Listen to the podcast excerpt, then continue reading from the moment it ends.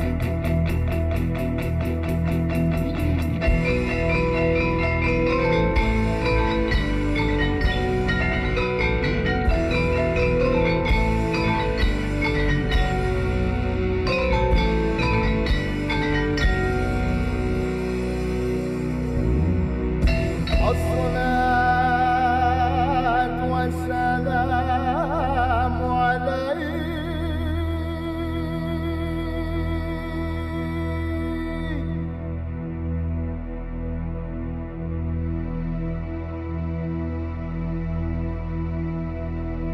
عليك يا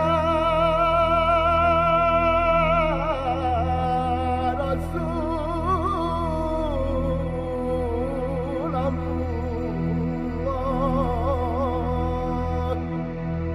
Negara Islam Madinah Daur 2 nomor 314 Esai MH Ain Najib الصلاة والسلام عليك.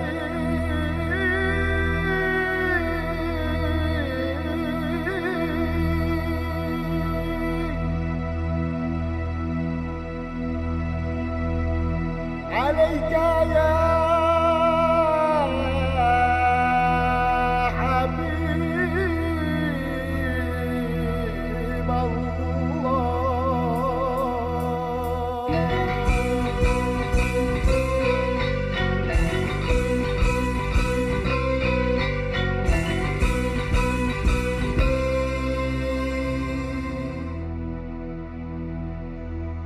Yang pasti hijrahnya beliau Nabi Muhammad Shallallahu Alaihi Wasallam dari Mekah tidak bisa kita identifikasikan atau kategorikan dengan kerangka berpikir lucu seperti zaman sekarang.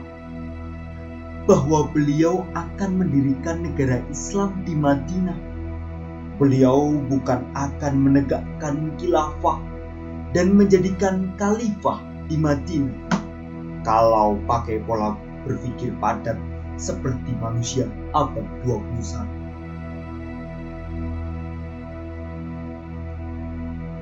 Datang ke Madinah tidak untuk melakukan kudeta, memobilisasikan revolusi atau menguasai parlemen agar bisa mengubah konstitusi Madinah.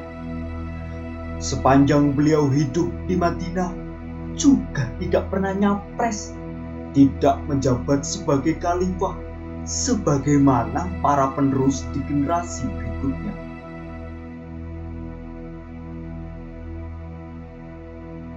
Peradaban yang beliau bangun di masyarakat Madinah bukanlah politik dongok, libido kekuasaan, nafsu menjadi pejabat, rendah diri kepemimpinan apalagi penyamaran kepemimpinan yang tujuannya tersembunyinya adalah penumpukan harta dan megalomania eksistensi.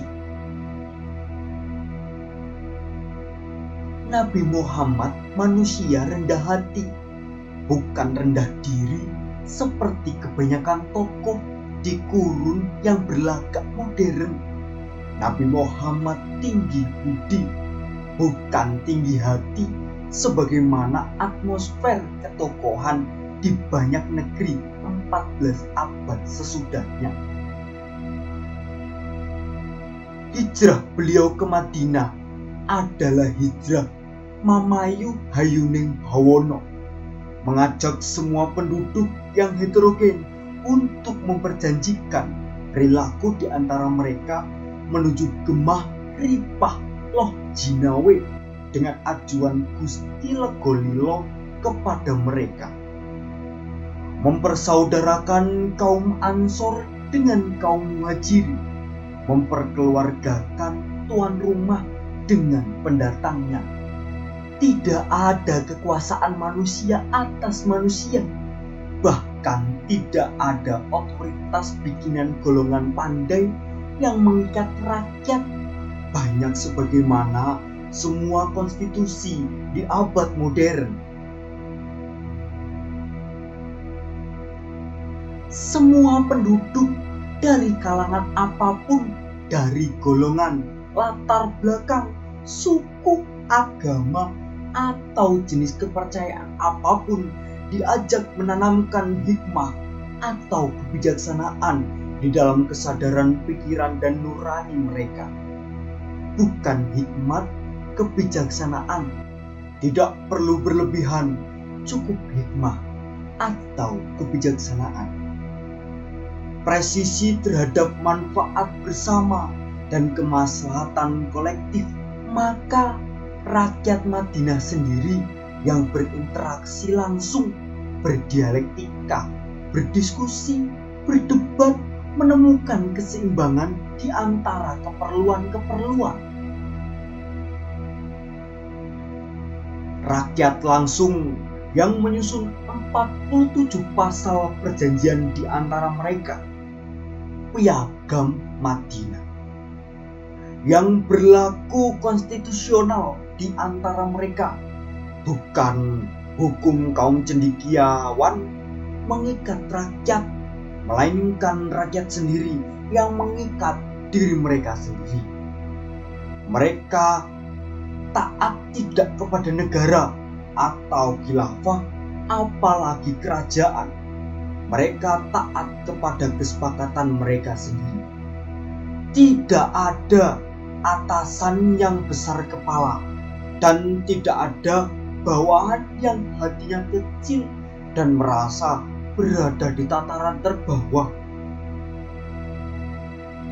Dan bagi orang-orang yang mematuhi seruan Tuhannya dan mendirikan sholat, sedangkan urusan mereka diputuskan dengan musyawarah antara mereka, dan mereka menafkahkan sebagian dari rezeki yang kami berikan kepada mereka. Surat Asyura ayat 38 Kata mereka itu oleh perpolitikan dunia dari zaman ke zaman dipersempit menjadi hanya monopoli kaum cerdik pandai. Memang mereka ini juga mereka, tapi bukan mereka rakyat. Hanya di negeri Madinah, mereka itu bermakna seluruh rakyat langsung. Di dalam sistem demokrasi yang mewah, di negeri mana pun, tidak berlangsung kerakyatan yang dipimpin oleh hikmat, kebijaksanaan dalam permusyawaratan serta kemanusiaan yang adil dan beradab. Sebagaimana di negeri Madinah yang diasuh dan diayomi bukan dikuasai oleh Muhammad Shallallahu Alaihi Wasallam. Itulah sesungguh-sungguhnya negara. Itulah sesungguh-sungguhnya khilafah. Dan itulah sesungguh sungguhnya Islam. Semarang 26 Februari 2018